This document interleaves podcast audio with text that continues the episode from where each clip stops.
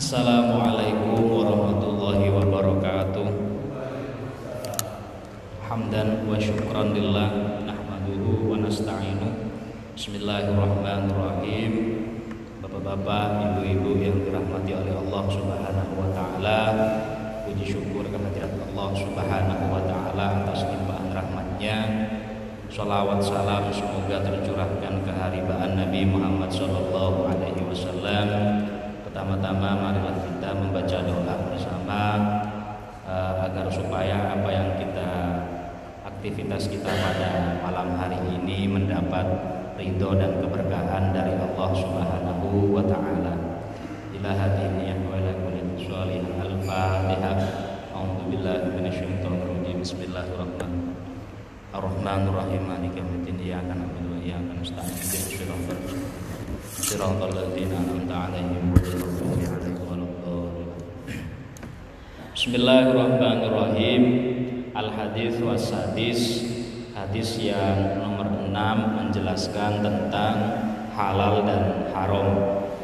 An Abi Abdullah Nu'man bin Bashir radhiyallahu anhu diriwayatkan dari sahabat Nu'man bin Bashir Sami'tu Rasulullah sallallahu alaihi wasallam yaqul Suatu ketika saya mendengar beliau Nabi bersabda Innal halala bayinun bahwasannya perkara barang perbuatan apa pun yang halal itu bayinun itu sudah jelas. Wa innal haroma dan barang yang haram itu bayinun itu juga sudah jelas.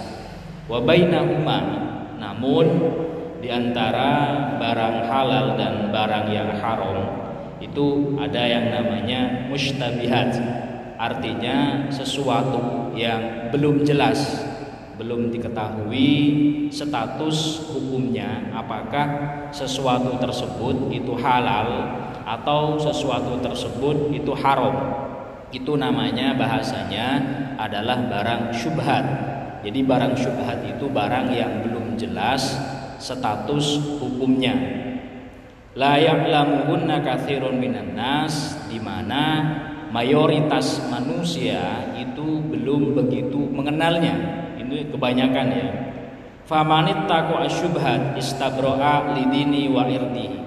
Barang siapa yang tidak melakukan, tidak mengambil barang atau perbuatan syubhat maka dia sudah membebaskan dirinya artinya dia sudah menjaga pribadinya dan menjaga agamanya waman waqa'a fi syubhatin waqa'a fi haramin barang siapa yang dalam kehidupannya itu diliputi atau mengerjakan atau mengambil atau melakukan sesuatu yang syubhat maka 90% dia akan jatuh ke dalam perbuatan barang yang diharamkan. Karoi yar'a haulal hima yushik an yarta'a fihi. Seperti halnya orang yang mengembala kambing, mengembalanya itu di uh, apa namanya di tempat di pinggiran uh, di tepi tempat yang diharamkan. Maksudnya ini sudah menjadi pagar tetangga tempat ini eh, lahan ini itu miliknya orang lain kok hewan peliharaannya yang dia gembalakan itu berada di tepi itu biasanya kebanyakan hewan gembalaannya itu akan masuk ke pekarangan orang lain. Nah itu haram hukumnya itu. Ala wa inna likulli malik himan. Bahwasanya semua malik, semua penguasa itu memiliki tempat terlarang. Wa inna himallahi maharimu tempat sesuatu yang dilarang Allah itu adalah hal-hal yang sudah diharamkan oleh Allah Subhanahu wa taala. Ala ingatlah wa inna fil jasadi mudghah. Di tubuh kita itu ada segumpal daging. Ida solahat solahal jasadu kullu. Kalau segumpal daging itu baik, solaha al jasadu kullu, maka seluruh tubuh akan menjadi baik. Wa idza fasadat begitupun sebaliknya kalau segumpal darah itu segumpal darah daging tersebut uh, rusak fasada al jasadu kullu maka semua anggota tubuh akan ikut terkontaminasi menjadi rusak. Ala wahia al qalbu bah daging yang dibicarakan di sini adalah hati. Jadi bapak-bapak ibu-ibu yang saya hormati dalam hadis ini Nabi Muhammad menegaskan bahwasanya yang pertama innal haram bayin. Halal itu sudah jelas. Jadi jauh sebelum ada stempel halal dari MUI agama itu sudah memberikan ketentuan barang atau perbuatan yang jelas itu diperbolehkan secara syariat kalau di dalam hukum fikih itu ada haram, ada halal, kemudian ada makruh, ada sunat, yang terakhir ada mubah. Nah, mubah di sini adalah setiap perbuatan kita yang kita lakukan setiap hari. Contoh, makan dan minum. Makan minum itu adalah perbuatan ya ya mubah, biasa saja. Kita makan ya tidak mendapat apa-apa, kita juga tidak diwajibkan makan, kita tidak makan juga tidak dilarang.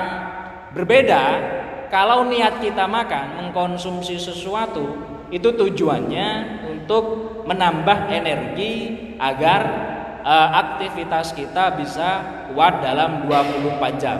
Nah, makan di situ beralih hukum menjadi sunnah karena ada niatnya. Contoh pekerjaan mubah, tidur misalkan. Tidur itu mubah, panjenengan 24 jam boten sari ya nggak dosa gitu loh. Ya paling tidak masuk rumah sakit lah. Kemudian tidur selama 24 jam hibernasi misalkan itu juga tidak dilarang oleh agama karena perbuatan tidur itu sifatnya adalah mubah. Nah, yang halal itu contoh menikah. Menikah itu halal. Kemudian mengkonsumsi sesuatu yang halal sesuatu yang kita konsumsi yang halal itu bukan hanya barangnya, tapi bagaimana cara mendapatkannya itu juga diperhitungkan. Air itu halal, tapi kalau mendapatkan, mendapatkannya dari mencuri, mendapatkannya dari gosok, maka itu menjadi haram. Bukan airnya yang haram, tapi proses mendapatkan air tersebut itu dihukumi haram. Sehingga kalau sampai itu kita konsumsi berarti kita sama saja mengkonsumsi sesuatu yang haram. Oh, berarti air diharamkan. Oh, tidak. Ainiyahnya, zatiah airnya itu suci. Tapi bagaimana cara mendapatkannya? Nah, di sinilah terjadi penjelasan innal haram bayin halal haram itu sudah jelas wal halalu bayin. Halal itu juga sudah jelas. Ada lagi barang-barang sesuatu yang memang barangnya tidak boleh kita konsumsi.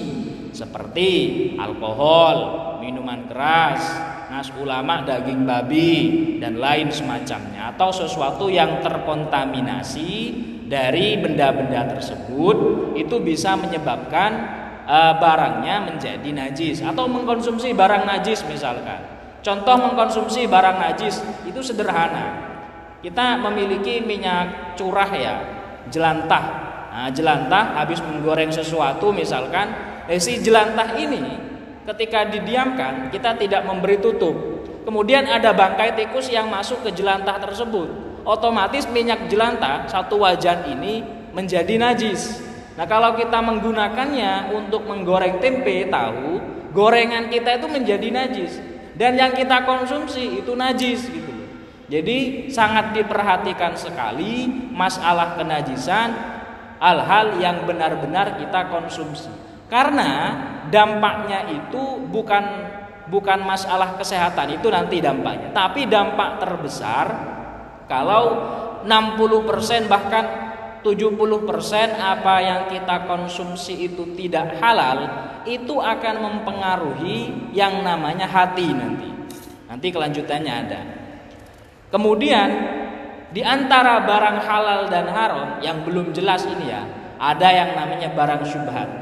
Jadi barang syubhat itu banyak sekali terjadi di antara kita dan kita tidak sadar bahwasannya barang tersebut, sesuatu tersebut itu syubhat. Syubhat niku nopo? Syubhat niku barang sing boten jelas.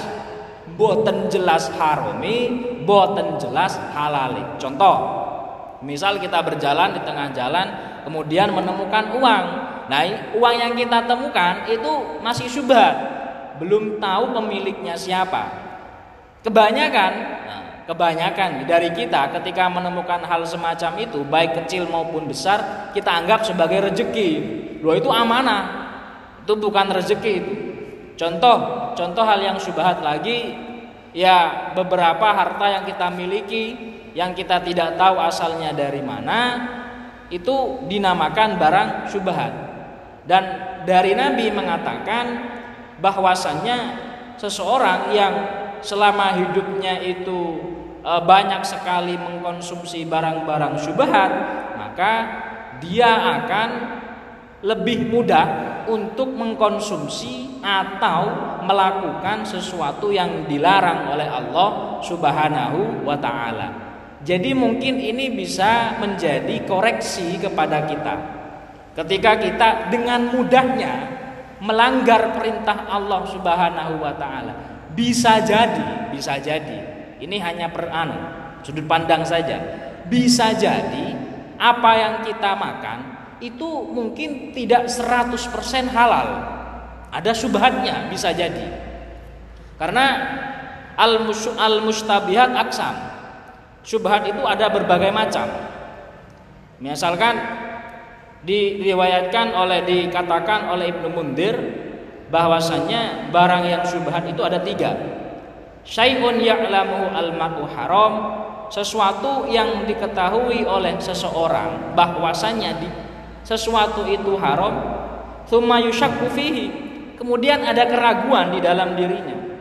Hal huwa bakin ala hillihi amla apakah barang ini sudah halal apa belum? Hmm, ini syubhat yang pertama. Fala yahillul al-iddam alaihi illa bil yakin maka yang kita lakukan saat dalam kondisi macam ini kita harus yakin bahwasanya hukum aslinya barang ini adalah haram. Jadi tidak boleh kita lakukan, tidak boleh kita konsumsi. Yang kedua, barang tersebut aslinya halal. Baik halal dilakukan ataupun halal dikonsumsi. Fayushakku fi tahrimihi lalu ada keraguan di dalam dirinya apakah barang ini haram apa tidak? Seperti kazauja yushaku fi tolakiha suami istri ya. Kemudian karena pertengkaran hebat si suami ragu. Tadi waktu saya memarahi istri saya ada kata-kata tolak tidak ya nah itu kan ragu itu kalau tolak berarti si perempuan ini mantan istrinya itu haram untuk diapa-apakan gitu kan. Pada dasarnya hukum aslinya halal karena masih dalam ikatan keluarga. Karena ada pertengkaran hebat, nah mungkin keceplosan. Tapi si suami nggak sadar. Kemudian dia ragu, apakah istri saya tertolak tadi ya karena ucapan saya, mungkin karena nggak sadar gitu. Nah, ini kembali ke awal. Oh, tidak, karena pada dasarnya istrinya tetap istrinya. Ah, yang terakhir wasaiun yushakku fi hurmatihi au ala sawa. Sesuatu yang dihalalkan yang diharamkan 50-50, 50%, 50%. Maka dalam kondisi semacam ini lebih baik jangan dilakukan, jangan diambil atau jangan dimakan. Karena itulah barang yang syubhat. Jadi barang yang syubhat itu adalah barang yang saya ulangi lagi, barang yang memang belum jelas status hukumnya. Jadi kalau belum jelas status hukumnya, lebih baik jangan karena menjaga memproteksi pribadi kita, tubuh kita, keluarga kita, istri dan anak cucu kita agar tidak kita cekoki tidak kita beri makan sesuatu yang belum jelas apakah halal ataupun itu haram. Dari hadis ini yang nomor tiga, beberapa fatwa ulama mengenai kebaikan seseorang ketika meninggalkan perkara syubhat. Yang pertama dikatakan oleh Abu Darda bahwasanya barang siapa yang ingin menyempurnakan keimanannya dan ketakwaannya maka seyogyanya dia merasa takut kepada Allah hatta yattaqi mim misqali dzarratin artinya ketika dia dihadapkan dengan situasi yang belum jelas sebaiknya dihindari saja Artinya kalau masih ada keraguan apakah ini boleh atau tidak ya tinggalkan saja. Kalau keraguan tersebut sikapnya 50% di antara yang diyakini dan yang tidak. Kemudian yang nomor tiga hadis ini berbicara tentang solahul kolbi dan dani ati. Terus hadis meriki uh, menceritakan bagaimana Nabi sangat memperhatikan satu organ vital yang dimiliki oleh manusia berupa hati. Karena hati ini sebagai barometer kebaikan dari pribadi kita. Ida sholahat jas ida sholahat sholahat kulun wa ida fasadat fasadat kulun. Jadi barometer dari kebaikan hati seseorang itu akan tercermin dari perbuatannya sehari-hari. Karena kita tidak tahu hati setiap individu itu seperti apa, kita tidak pernah tahu. Tapi cerminan dari hati yang busuk, hati yang lapang itu akan dipantulkan oleh aktivitas jasadnya. Bagaimana perilakunya dalam kesehariannya. Bagaimana tutur katanya, bagaimana sikapnya dengan orang lain, bagaimana pergaulannya dengan masyarakat pada umumnya. Nah, itulah cerminan dari hati kita. Kalau selama ini hati kita sering kita beri konsumsi sesuatu yang diharamkan, eh, sesuatu yang syubhat, yang belum jelas, terlebih yang diharamkan, maka kaca yang dipantulkan oleh hati, pantulan hati tersebut tidak akan sampai kepada tubuh kita. Sehingga walaupun hatinya baik, ya perilakunya tetap kurang baik. Bahwasanya dikatakan oleh Allah Subhanahu wa taala uh, Allah uh, wa qala ta'ala yaumul la yanfa'u malun wala banun